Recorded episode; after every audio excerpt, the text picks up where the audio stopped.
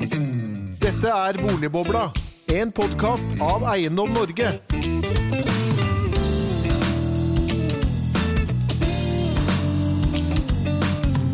Hjertelig velkommen til en ny episode av Boligbobla, denne gang om ny lov om eiendomsmegling. For 4. juni leverte Eiendomsmeglingsutvalget sin NOO til en ny lov om eiendomsmegling. Vi spør hvordan mener utvalget det norske transaksjonssystemet for kjøp og salg av bolig i Norge kan gjøres enda bedre, og hva blir veien videre fra NOO til vedtatt lov? Og for å ta oss gjennom dette strålende temaet, så har vi selvfølgelig fått med oss utvalgsleder og professor i samfunnsøkonomi, Espen Rasmusmoen. Hjertelig velkommen til deg. Takk for det. Og ikke minst så har vi fått med oss Einar Morges egen fagsjef, Hanne Nordskog Inger. Hjertelig velkommen til deg. Takk, takk. Og ved min side som alltid så sitter jo du, Henning Lauritzen. Hjertelig velkommen til deg. Tusen takk. Uh, før vi begynner så må vi jo ta en liten dypdykk gjennom en annen, hva skal vi si, lovendring som, som ble plutselig høyaktuell fredagen etter dette utvalget la frem sin NHO, nemlig altså takstforskriften, som plutselig dukket opp her på fredag ettermiddag. Ja, ja, og der det, har du i helgen vært ute og svunget pisken. Ja, det, det, har jeg. fordi For to år siden så vet jo ikke Stortinget at uh, man stiller mye strengere krav til selgere ved boligsalg. De får et veldig mye større ansvar. Og de reglene de har ikke begynt å gjelde ennå, fordi man har ventet på denne takstforskriften. Og så er det sånn at de, det strenge ansvaret selger har fått, det skulle motivere selger til å gi all informasjon om boligen. Og så skulle man sikre å få fram hva skal man si, restinformasjonen, det som har med skjulte feil og mangler, ved å ha forskrifter om tilstandsvurderinger, altså hva som skal undersøkes når en bolig selger. Og så man, skulle man stille krav til kompetansen til de som skulle lage tilstandsvurderingene. Dette, var, var, jo et samlet storting som, som stilte seg bak. Ja, det, dette var jo I hvert fall flertall i Stortinget. Ja, et stort flertall på Stortinget. De stilte seg bak dette, og ba da om eh, kompetansekrav og innholdet i tilstandsvurderingene. Og så har regjeringen da på fredag lagt frem en forskrift, og der er det ikke spor av kompetansekrav. Og, og det betyr at enhver av oss som sitter i dette rommet, vi kan faktisk, når vi kommer til årsskiftet, så kan vi kalle oss bygningssakkyndige. Enhver statsviter eller frisør? Enhver statsviter eller frisør eller professor eller fagsjef vil, vil, kunne, vil, kunne, gjøre dette, og sånn sett lage disse tilstandsvurderingene. Og da, da, er jo egentlig ikke premissen for å overføre alt dette ansvaret lenger oppfylt på den måten Stortinget forutsatte. Så det er det jeg har vært ute og svingt pisken over. Nå må vi få på plass eh, kompetansekrav også. Men, men andre, vi var jo i utgangspunktet imot disse endringene av NSO, som, som, som mange vil jo mene er ganske radikale. Uh, vil man, når man da ikke stiller de kompetansekravene, klare å opprettholde på en måte, hva skal du si, en trygg bolighandel? da? Ja, Problemet her er jo at uh, man overfører veldig mye ansvar til selger, hvor man tidligere da hadde en ansvarsdeling mellom kjøper og selger. Dette er jo forbrukere stort sett på, på begge sider av bordet. Og, og, så skulle man da reparere den, den store skjevheten det ble, ved, ved, å sørge for at det kom fram mer informasjon. Og så er det jo sånn at de aller fleste takstmennene er flinke, men det kan også finne noen, finnes noen som ikke er gode nok, og det skulle disse kompetansekravene sørge for å hva skal man si, enten stenge dem ute, eller løfte dem opp på det tilstrekkelige nivået. Og Når det ikke er på plass, så, så forsvinner jo en helt grunnleggende premiss for det man vedtok på Stortinget den gangen. Så hva, hva gjør vi nå, da? Nei, nå må, nå må, vi jo jobbe veldig hardt for at disse kompetansekravene kommer inn i loven, fordi vi mener absolutt at de er viktige å ha med for å få den kvaliteten man trenger på informasjonen. Det blir spennende å følge videre, vi får se om vi kanskje kommer litt inn på det litt senere også. Um, Espen, du hører jo her forbrukerne, det står i sentrum. Det var vel også hensikten med det utvalgsarbeidet som du ble, ble valgt til å lede? For ja. høsten 2019? Ja, det vil jeg jo si. Altså, du ser også det på eh, navnet på utredningen. Eh, trygg og enkel bolighandel. Så eh, at da forbrukerne skal, eh, skal, måte, skal, sikres, det er en, det, det er en viktig eh, en viktig forhold ved loven. Det er, noe vi, som, det er noe som man tidligere ønsket å ivareta, det er noe som vi da ønsker å videreføre og kanskje ivareta i enda større grad enn tidligere. Ja. Men, men, kort oppsummert så var, var det også mandatet at dere skulle vurdere om man faktisk trengte en lov om, lov om eiendomsmegling? Og, og... Ja, mandatet var ganske vidt, og det det først og fremst gikk på var jo å evaluere eksisterende eiendomsmeglingslov, den vi har hatt siden 2007, Og så på bakgrunn av den evalueringen da eh, komme fram da til en ny lov, hvis en ny lov trengtes. Det var ikke så veldig kontroversielt at vi ønsket å ha en eiendomsmeglingslov, og at uh, mange av hovedelementene i eksisterende eiendomsmeglingslov at det skulle videreføres. Så det ble ikke noen sånn harde, tøffe diskusjoner på akkurat det punktet. Men uh, hvis du ser stort på det, så, så er det norske boligmarkedet det, det er verdens beste boligmarked? Pleier vi å si. Kan du avkrefte eller bekrefte det? Vel, eh, de fleste i Norge mener det, men vi hadde en del kontakt med, eh, med danske kolleger. Og, og, de mente sitt var verdens beste, de kanskje? Mente at deres system var verdens beste. Men det er jo for så vidt bra da, at, begge, at man er fornøyd både i Norge og i Danmark. Så ja. Men, men, men, hvis vi snakker om effektiviteten, da. Du er jo samfunnsøkonom. Hvor effektivt da er det norske boligmarkedet? Jeg tror det er ganske effektivt. Det at vi har da et system der vi har en visning, folk kommer og ser, potensielle kjøpere kommer og ser, der de kan prate med en kompetent person som står der, og da med en etterfølgende åpen budrunde. Eh, jeg tror det er et uh, godt system.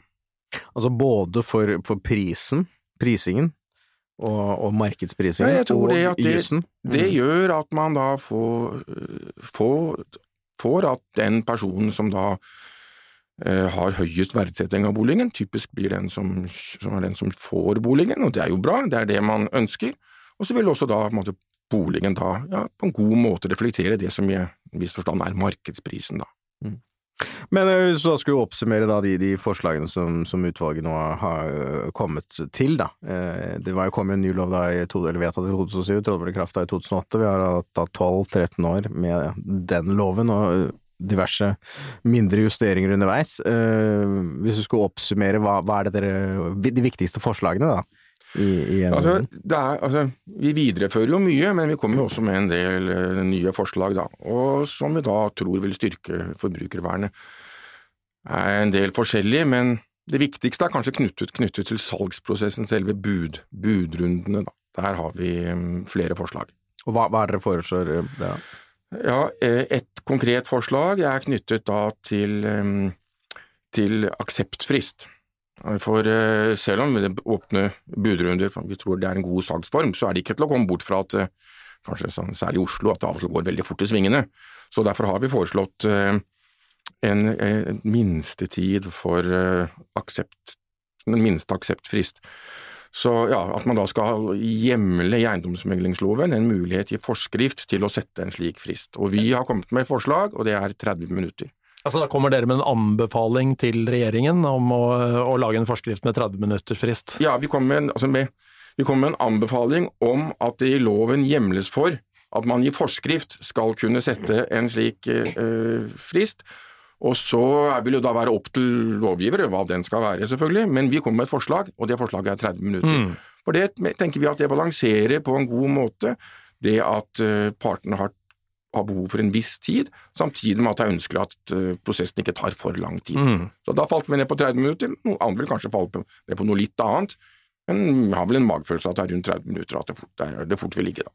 Det svarer jo denne undersøkelsen som Forbrukerrådet og Eiendom Norge gjorde sammen også, der vi spurte en hel del forbrukere om eh, hva man skulle ønske at tidsfristen var eh, i bolighandelen, og da landet vi jo ned på 30 minutter der også, sånn at det svarer jo veldig på denne undersøkelsen som hva, vi allerede har lagd. Hva var på en måte argumentene for ikke å ha for lange frister? Altså jo, det er jo lett å se hva som er årsaken til at man ikke vil ha for korte frister, man må få tenkt seg om osv., men eh, hvorfor skal man ikke ha for lange frister?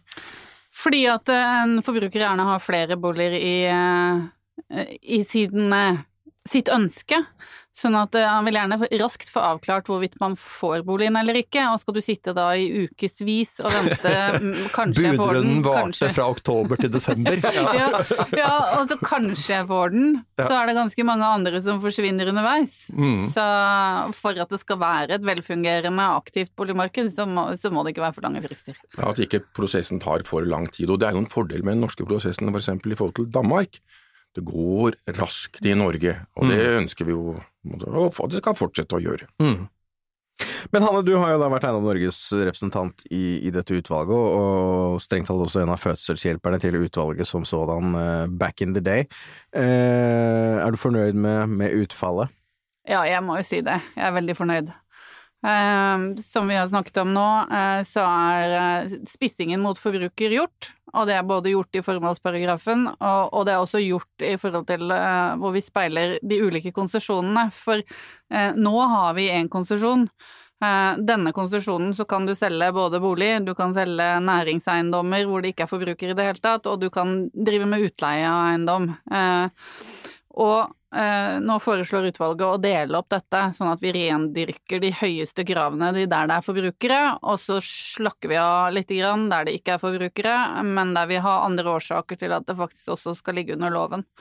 Så jeg, jeg syns eh, Og så syns jeg vi har hatt et utvalg som har jobbet utrolig godt sammen. Vi har vært opptatt av å få de beste løsningene, ikke egentlig å ri interesser inn fra forskjellige kanter. Så jeg syns uh, diskusjonene har vært utrolig konstruktive og gode, og vi har endt opp med veldig mange kloke hoder i utvalget som har kommet med gode løsninger. Ja, jeg, jeg, må bare si sånn, jeg syns jo det er alltid morsomt å se på lovforslag, eh, NOU-er, hvor uh, hva skal man si, graden av dissenser, mm. og, og, den er ikke sånn veldig høy her. Det er noen her og der, men uh, vi, vi, har jo opp gjennom historien hatt veldig store dissenser i mange utvalg, og da, da blir det jo fryktelig vanskelig ta dette, når man tar dette videre politisk. Mm. Nei, altså, at det blir noen dissenser, ja, det må man jo regne med. Fordi det er, det er forskjellige interesser som, uh, uh, som, representeres i utvalget. Men vi har hatt gode diskusjoner, vi har hatt intense diskusjoner, men det har vært en god tone, og vi har, måte, vi har lyttet til hverandre og ofte klart å falle ned på noe felles som alle kan enes om. Mm. Men Hanne, det, du, jeg nevnte jo her altså, du var fødselshjelper. Hvordan var det fødselshjelper til dette utvalget? Back in the day? Uh, back in the day, 2015, så ga Eiendom Norge inn et, eh, en stor blekke med lovendringsforslag til eh, departementet. Hvor vi ønsket å justere på lov om eiendomsmegling, som også NOU-en nå foreslår, med 28 endringsforslag i lov og forskrift. Og veldig mange av disse endringsforslagene som vi da i 2015 gjorde, har jo lovutvalget nå gått for. Ehm, dette ønsket vi for å gjøre ting enklere, bedre og tryggere, og fjerne en del sånn grums eh, da i 2015.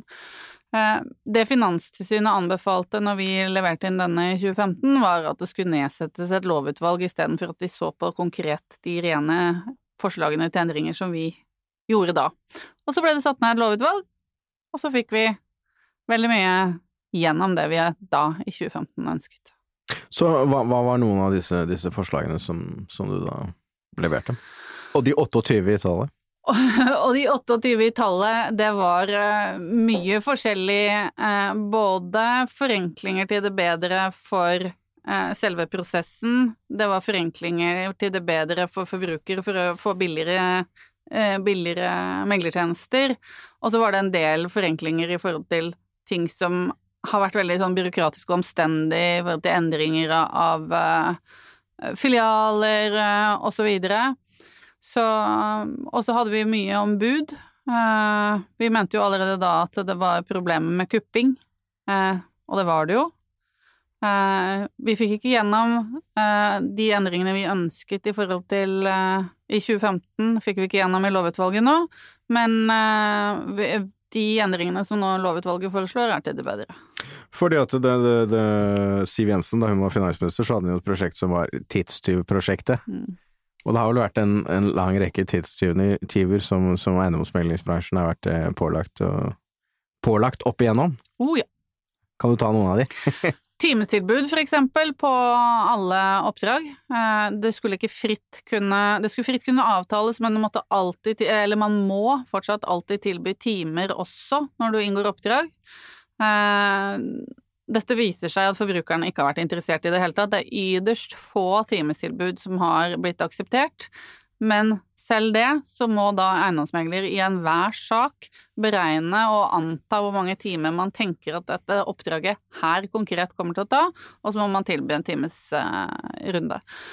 Eh, videre å skrive regning.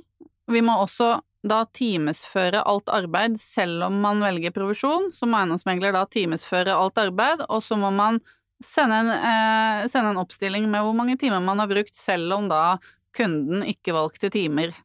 Og dette er jo en kjerne til mer diskusjon og Enten så klapper eh, kunden veldig bra, for megler har brukt dobbelt så mye timer som han anslo, kanskje, eh, og da virkelig har jobbet for saken, eller så kan det ha vært et aktivt, raskt, godt salg som alle er fornøyd med, men når kunden da ser at vi har brukt litt lite timer, så blir han kanskje ikke så fornøyd allikevel.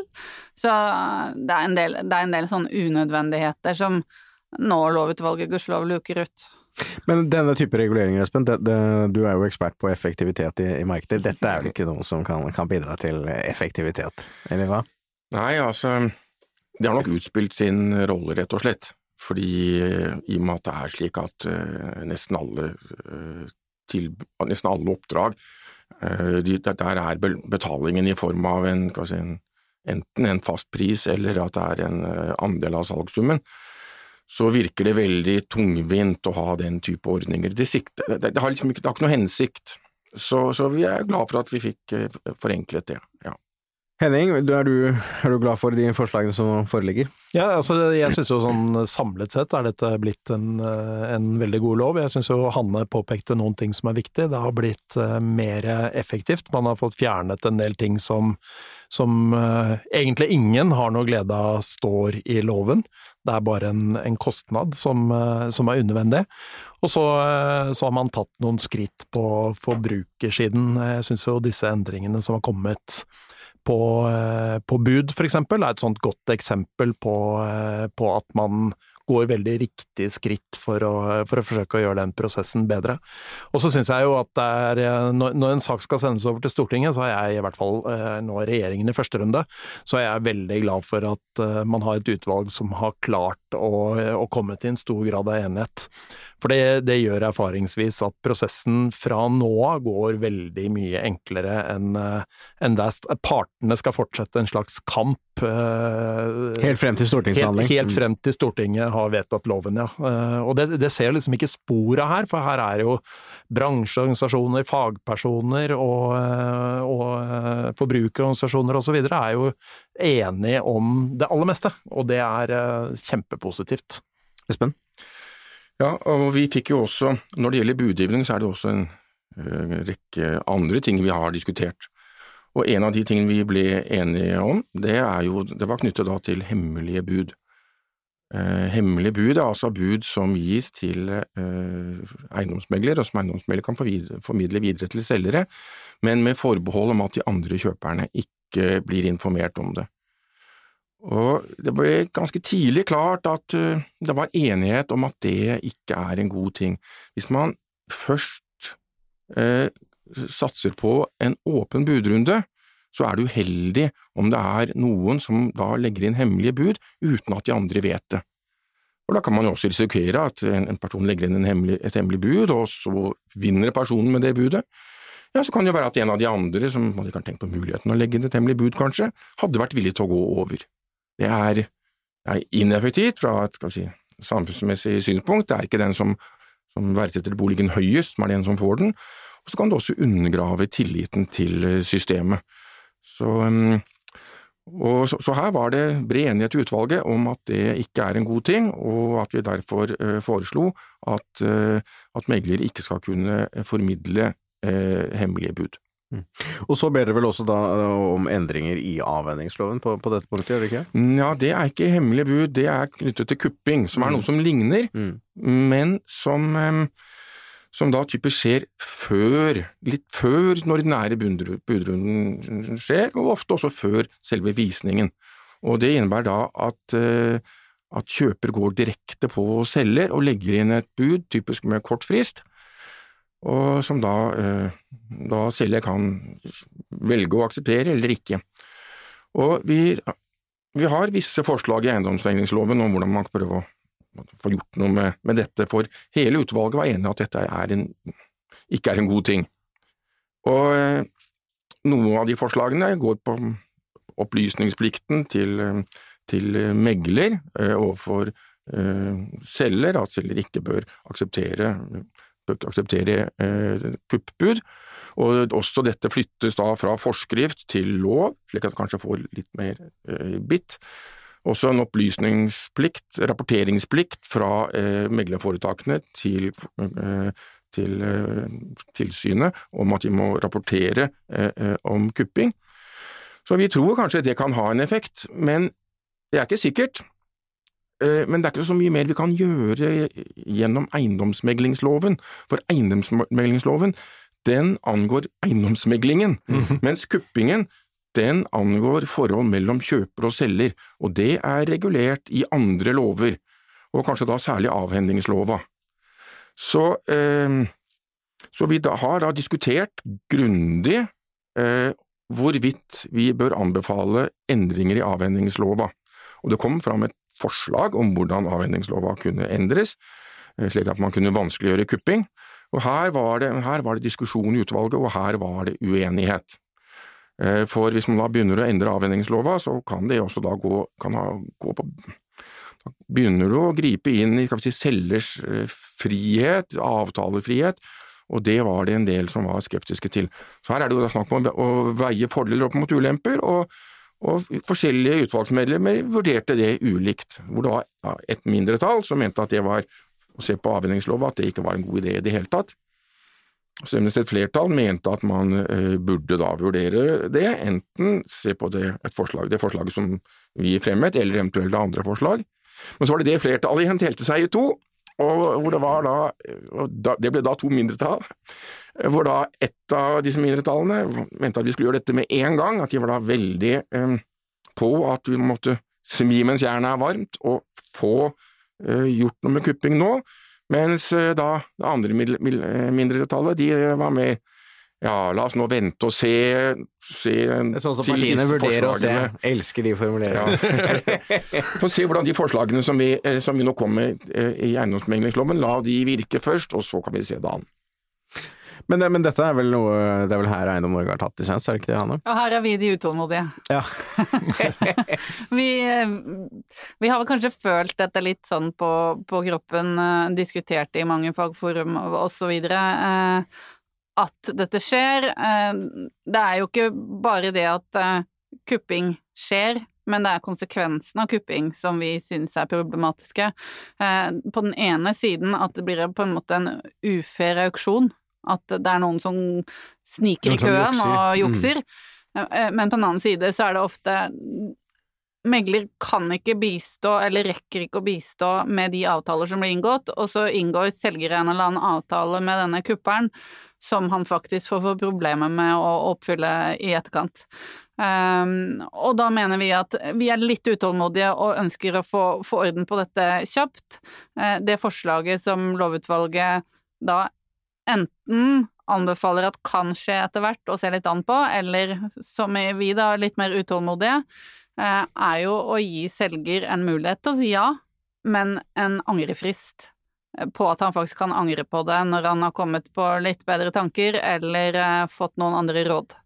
For det som ofte skjer i kupp, en kuppsituasjon, er jo at selger settes i en veldig rask Altså, han har Det veldig kvelden før, liksom ja, Mm. og har, får veldig liten tid til å svare ja eller nei. Det var noen som mente det var greit å kuppe før klokken ti på kvelden. Var det det? Ja. Eller gå direkte Mm. inn på gamlehjem og kuppe overfor de som sitter der og er selger og så videre. Det, det finnes en del sånne ulike ugreie eh, eksempler på, på hva som har skjedd, så Men er dette stort problem? Er, er ikke dette sånn typisk eh, Altså, Oslo i vinter, da, da kunne man lese mye om kupping, men uh, hvordan er dette ellers? periodevis, eh, altså i hektisk marked hvor det er eh, lite tilbud i forhold til etterspørsel, så er det et problem. Fordi at da blir man litt desperat til å få en god løsning. Mm. Eh, man ønsker å, å snike i køen og få tak i det objektet man har sett for seg. Så, og Oslo har mange omsetninger, så når det er et problem i Oslo, så er det jo et problem, ganske stort problem. Eh, og det er gjerne de små leilighetene hvor de yngre personene kjøper som dette går utover, så det er, det er egentlig de unge som får litt juling her. Eh, ofte. Så Og det, dette er jo ikke som vi også har eh, hentet ut noe data på, på Henning, dette, dette er ikke så veldig lurt. Nei, det det, det, det, det, her, her er det jo Her strides jo det lærde, men vi har jo hentet ut data på en del av disse småleilighetene som, eh, som har blitt omsatt, og, og sett at eh, Kanskje ikke sånn spesifikt på kupping, men, men sett at eh, det har vært en del som ikke har fått igjen pengene sine når de, når de er solgt etter noen år, og det, det har jo da typisk vært de heteste enten budrundene eller, eh, eller kuppinger hvor noen har strukket seg veldig langt. Fordi dette er jo høyrisikoatferd, det er jo ikke sånn at alle tjener penger i boligmarkedet. selv Nei, det er, jo, det, er jo, eh, det er jo i hvert fall en risiko for at man betaler feil, feil pris ved en, eh, ved en kupping. Hvis man skal sammenligne det med en sånn normal markedspris, i hvert fall. Men akkurat spørsmålet hvor stort problemet det er, det, det vurderte nok de forskjellige, forskjellige utvalgsmedlemmene litt forskjellig. Hvor noen tenkte at uh, man må ikke fokusere for mye på Oslo, altså dette er noe for hele Norge, og at det da kanskje ikke er så stort, stort problem. Mens andre mer fokuserte på Oslo uten perioden i det siste, hvor, hvor det har vært opp i 18 av boligene som, blir, som har blitt solgt ved kupping. Og det er klart, hvis det blir så, altså, hvis kupping blir veldig vanlig, slik at det nærmest brer seg en oppfatning om at skal du få et attraktivt objekt, ja, så må du kuppe. Ja, da vil jeg være redd for at den salgsformen vi har i dag, hvor du har en visning, hvor du ro og mak kan Mm. se på boligen, og så etterpå at du får en åpen budrunde, at den vil eh, forvitre. Ja, Ja, kan kun- Man kan da man en Mm. annen salgsform, Mm. kanskje noe som ligner mer på det man har i Danmark, hvor man setter en høy initiell pris, Ja. Og så venter man til det kommer noen forbi som er villig til å betale Ja, det. så det- det, det du sier er På, på Jylland venter man veldig lenge mange steder, det Ja. vet jeg. Nettopp. Så det Ja. du sier er at eh, la oss si hvis man bare lar dette rulle og gå, så kan det faktisk endre på en måte boligomsetningen som sådan, altså gjennom atferd. Altså hvis det, altså, så, altså, hvis det ikke er, hvis kupping er relativt sjelden, så tror ikke jeg nødvendigvis at det er så stort problem. Men hvis det er slik at det blir mye kupping, og det forventes at uh, attraktive objekter med stor sannsynlighet blir kuppet, ja, da tror jeg ting kan begynne å skje. Så hvis det, hvis, hadde det fortsatt med 18% kupping, sånn som det var i Oslo i perioder, og kanskje til og med økt ut fra det, det tror jeg kunne være skummelt. Men nå har det jo falt igjen, da, så får vi se hvordan det er om en eh, to, tre, fire år. Kanskje rapporteringsordningen som vi foreslår også vil gjøre at man får mer informasjon og får et bedre beslutningsgrunnlag. Ja, for hemmelig bud, har man noen, eh, noen tall på noe slag med kupping? Har man ikke eh, Altså, vi har, vi har fått no, fikk noe informasjon fra Finn, da, finn.no, men eh, ellers så er det vel ikke noe sånn systematisk uh, Men det er tall på hvor mange som er solgt før eh, visning eller Ja? Er det, ja. Så, så det er jo ikke nødvendigvis helt presist. Mm. Nei.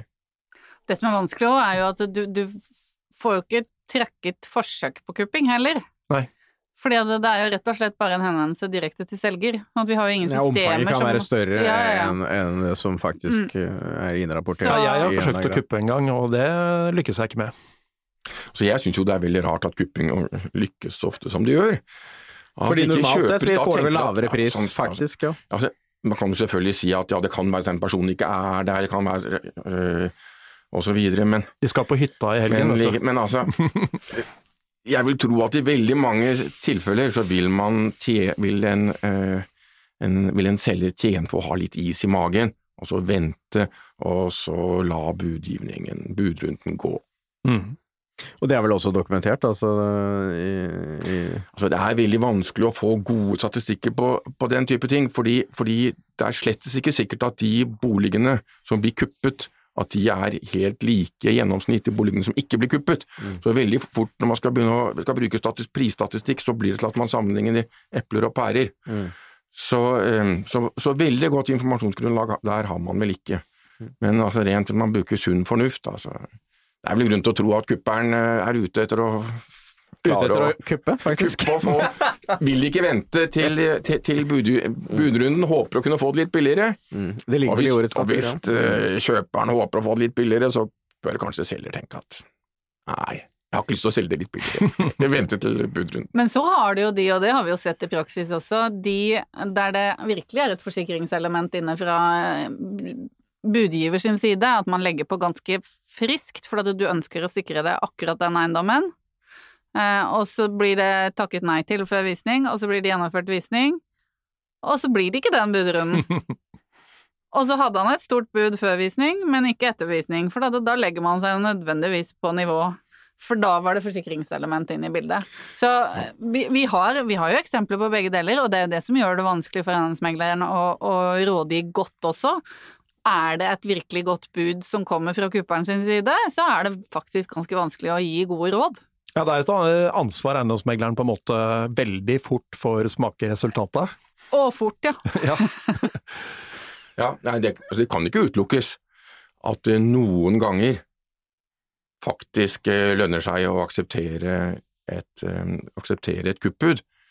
Men uh, jeg vil tenke, og nå snakker jeg egentlig som professor i samfunnsøkonomi og ikke som utvalgsleder, bare for å presisere det, at hvis noen spør meg sånn direkte, så vil jeg i de fleste tilfeller tror jeg si ha litt is i magen. Mm. Det er Forbrukerrådet. Og Professorrådet. Men eh, du nevnte jo her avtalefriheten, da. Eh, og den, den, settes jo gjerne høyt, men man, man, Det har vi jo erfart. Eh, myndighetene, eller staten, da, de, de, de gir jo ikke fem flate øre på å innskrenke avtalefriheten.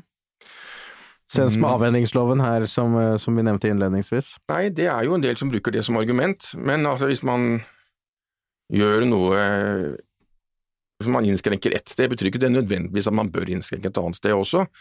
Men altså, spørsmålet er jo ja, hvor, alvorlig er, hvor alvorlig er den innskrenkningen av avtalefriheten? Ja, for avtalefriheten er jo innskrenket generelt sett med avhendingsloven? Nei, den er jo det, absolutt. Og det at du ikke kan selge as is, for eksempel, det er jo en innskrenkning. Masse forbrukervernlover rundt omkring er jo en ren innskrenkning av avtalefriheten. I en viss forstand kan du si at eiendomsmeglingsloven er det også. Du kan ikke bruke den eiendomsmegleren du vil.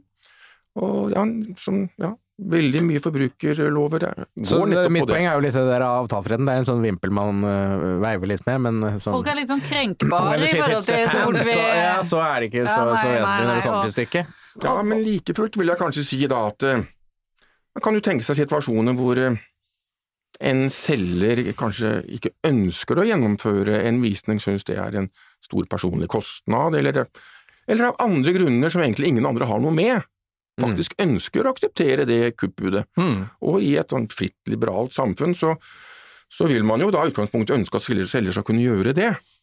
Men i dette tilfellet så kommer det da opp så det, kan det da komme til en kostnad knyttet til at det blir uh, dette med kupping. Så da må man, og da er man tilbake til utgangspunktet, og man vurderer fordeler opp mot, kost, mot ulemper.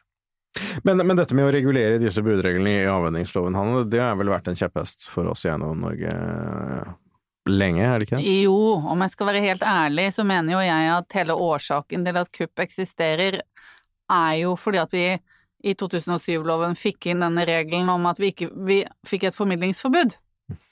Eh, for alle bud som var raskere enn klokken tolv første virkedag er den, etter siste visning, er den regelen vi har nå. Den har vært justert litt underveis. Men det at vi ikke fikk lov å formidle bud som kommer raskere, det førte jo til da at disse forbrukerne som ønsket en raskere avklaring og ønsker å komme De profesjonelle andre, forbrukerne? Mm -hmm, ja. De som var litt frempå, frem i skoene. Eh, fant ut at å ja, men jeg har jo lov å gå direkte på selger. Sånn at hvis vi hadde fjernet dette formidlingsforbudet, og megler kunne håndtere alle disse budene raske eller ikke raske, vi kunne hatt 30 minutter på alle budene for eksempel, så hadde vi kunnet fått en litt sånn mer dynamikk i budrunden, og det var jo det vi foreslo i 2015. Eh, men det er, viser seg at det er ikke særlig sånn politisk eh, lyst å fjerne dette formidlingsforbudet. Sånn at i, i fravær å kunne fjerne det formidlingsforbudet, så får vi da heller se hvordan andre måter vi kan lappe på dette på. Men det er helt klart at eh, det er ugreit at det er to ulike regelverk eh, i forhold til avslutning av en bolighandel, eh, der du kan gjøre det ene mellom partene, og der du uansett om du har valgt megler eller ikke. Så jeg skulle ønske at disse reglene hadde vært rendyrket i avvenningsloven, sånn at alle kunne forholde seg til like regler. Ja, Men det med, det med eh, formidlingsforbudet og kupping, det viser jo én ting, nemlig at hvis man innfører eh, en regel, eh, så finner ofte folk en vei rundt den regelen. Det er som vann, det er ikke sant ja, det rene fine. det, det, Ofte får man utilsiktede virkninger. og det er et argument for at man generelt skal være forsiktig med regulering. Det er et argument for å være liberalist? Ja, det er på mange måter. Men, og det kan også være et argument for at man må gå, gå den enten den ene ytterlighet eller den andre, andre ja. ytterlighet. Det kan fungere relativt godt hvis du ikke har så mye eh, regler. Men hvis du først begynner å innføre dem, så vil den ene regelen innføre, medføre at du må innføre en regel til og en regel til og en regel til, og så ender du opp i noe som kanskje, kanskje totalt sett er ganske bra, men med mye regler. Så, men like fullt er det noe som jeg tror er lurt å ha i bakhodet, og det gjelder også ved endringer i avhendingslova. Man må tenke seg godt om. Kan det være at dette gir noen utilsiktede virkninger? Så må ikke du spørre meg om hvilke, for det hadde ikke vært utilsiktet. Men eh, det, det kan være at det, at det kan oppstå da en respons på dette som man ikke helt ser, og som kan da medføre nye problemer. Men Henning er jo jurist og ekspert på utilsiktede så det kan kanskje du svare på? Nei, men jeg vil jo på en måte si at uh, altså en, en, dyktig jurist er jo god på å finne de utilsiktede virkningene på, på, forhånd, rett og slett. Altså, det, det, er jo Det er jo det som er juss, strengt tatt. Det er jo egentlig det som er juss, uh, for resten er ganske enkelt. Men jeg, jeg tenker litt på, hvis vi ser på loven og snakker at enhver skal få lov å gjøre som man vil i utgangspunktet, så, så er det jo et eller annet punkt hvor eiendomsmeglingsloven slår inn. Vi har jo disse Enhver skal jo få lov til å selge sin egen bolig selv, hvis man vil det. Men, eh, men så har man jo eh, behandlet spørsmålet om eh, når kommer loven inn når man bruker sånne selv-løsninger? Kan ikke du si litt om det, Espen? Ja, selvhjelpstjenester og hvordan man skal forholde seg til selvhjelpstjenester, det er noe vi har diskutert mye. Og det er jo, det er jo ikke enkelt. Og vi diskuterte også om selvhjelpstjenester burde legges inn under eiendomsmeglingsloven. Hva med psykologiloven? Selvhjelp? Nei, det Ingen trakk opp den. Kanskje et tegn på mangel på kreativitet, men ingen gjorde faktisk det. Så, eh, og, men utvalget var enige om at eh, flertallet av utvalget ønsket ikke å regulere selvhjelpstjenester. Eh, et mindretall ønsket en form for egen, en egen regulering rundt det. Men vi diskuterte hvordan man skal avgrense selvhjelpstjenester. Når er en selvhjelpstjeneste en selvhjelpstjeneste, og når glir det over i eiendomsmegler? Ja, for her, her, snakker vi om teknologi og andre ting som, som kan være veldig vanskelig å forutse hva som kommer ja, om fem år, f.eks. Nettopp. nettopp. Så, så, derfor så var vi veldig redde for å trekke en, altså, komme med en veldig klar definisjon, trekke en veldig klar grense, for da vil man fort risikere at om to år ett år, seks måneder, så er den utdatert, for det har kommet ny teknologi som gjør at dette ikke passer inn.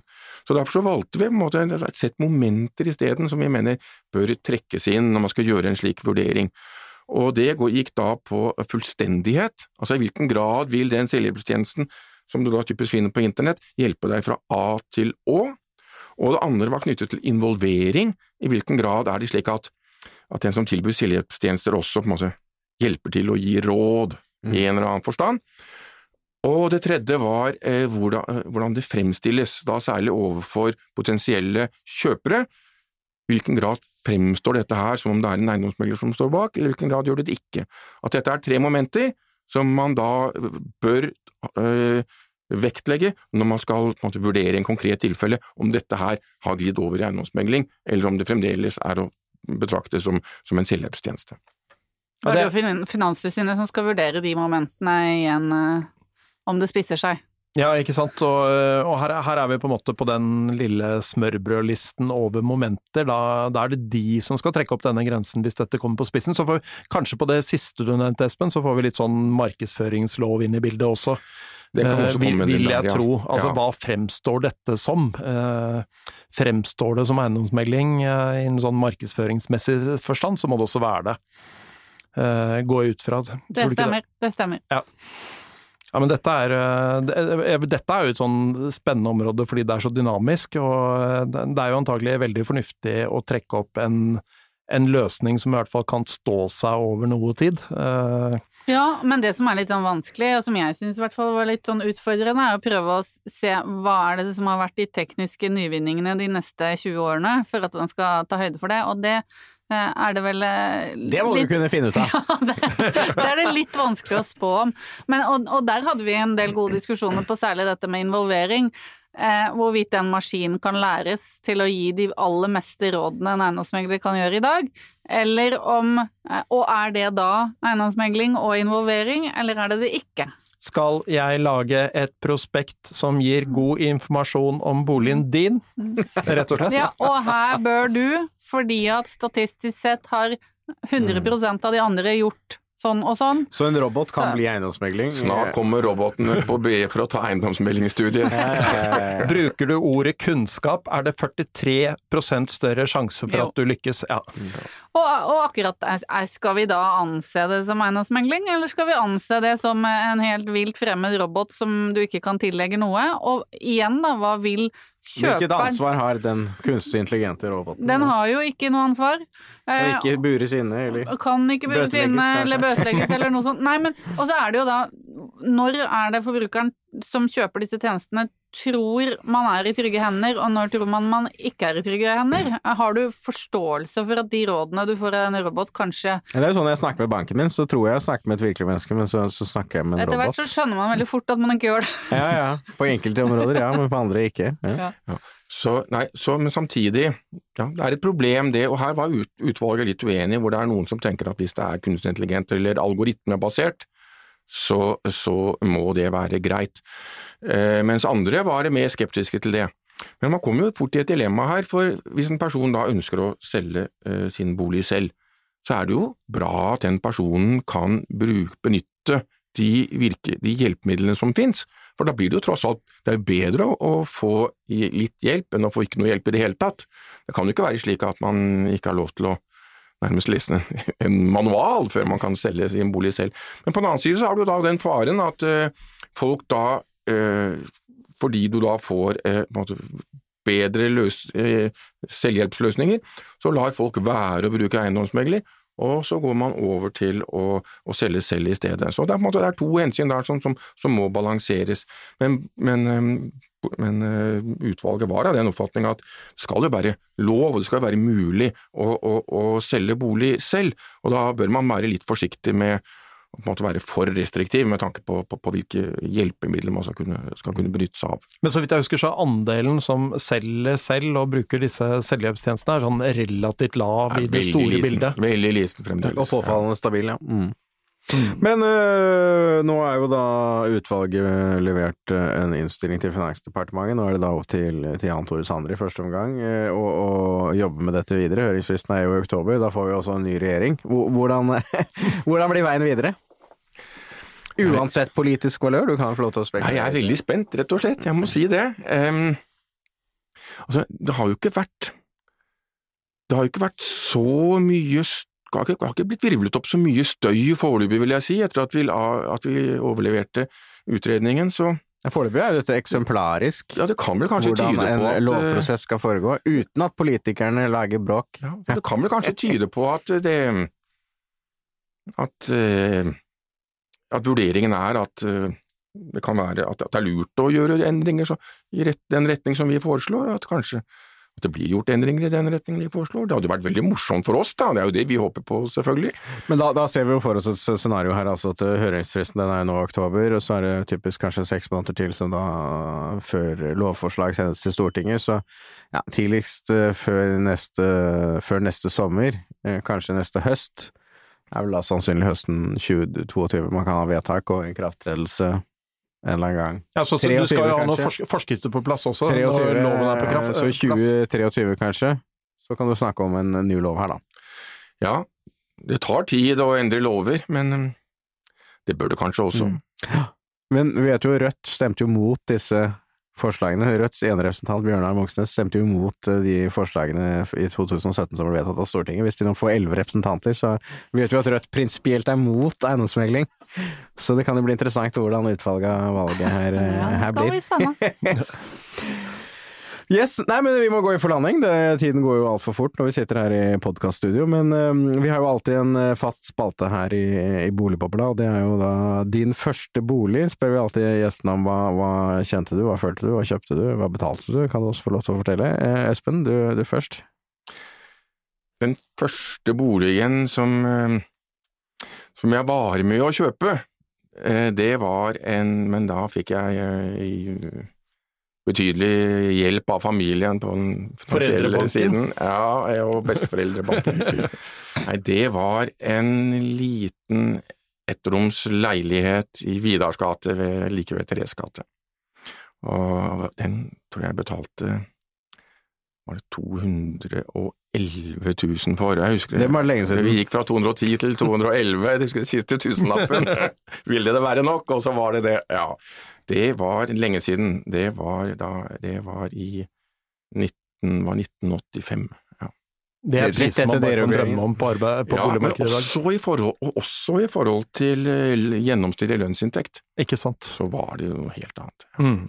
Men det var jo da midt under jappetiden, da, rett etter deregulering, med andre ord. Så, Ja, altså det steg mye de årene etter, til- men så falt det annet. så ble det ha- halvveis, ja. ja. Så men du solgte kanskje ikke Du ble kanskje boende noen år, så, Ja, og så var det, ja, og så var det min søster som overtok etter hvert, så det, ja, så du ble i familien? det ble i familien. Hanne, din første bolig? Og, Jeg er jo vokst opp på Gjøvik, sånn at vi kunne kjøpe litt større enn eh, disse små leilighetene. Så jeg kjøpte en toetasjes toppleilighet med mesanin Uh, på Gjøvik, altså? på Gjøvik, uh, i sentrum. Uh, tror det var i 95. For 530 000. Det var en selveier med to soverom og bad og to stuer og balkong Du og i det slettet hele til tatt. full etablert fra dag én? Fullt etablert. Men det, det var jo på Gjøvik. Så vi fikk mye for Det var andre priser. Det var andre priser. Så du, men hvor lenge ble du værende der, da? par år, og så flyttet vi inn til Oslo, og der var det jo like gøy å kjøpe. I 96-97, tror jeg, så prosjektert loftsleilighet der på 100 kvadrat til Mm. Ja, en så million. Her er det bare gått oppover siden. Jeg har vært heldig på boligmarkedet. Du er blant de folk leser om i avisen som liksom har blant vært så Men jeg skulle nok eid denne loftsleiligheten på Sankthanshaugen som vi kjøpte da når vi flyttet inn til Oslo. Den skulle jeg eid fortsatt. Da hadde det vært maksimalt gull. Ja. Men det sier jo folk alltid, Mm. uten å tenke på, på renteutgiftene som har vært svingt siden. Ja. Nei, men eh, fantastisk bra. Hjertelig takk til eh, gjestene Espen eh, Rasmus Moen og Hanne Norskog Inger i Norge, og jeg vil si det, Henning. Hjertelig takk til deg òg. Vi er tilbake med enda en episode før sommerferien, så følg med før vi vet ordet av det. Takk for denne gang.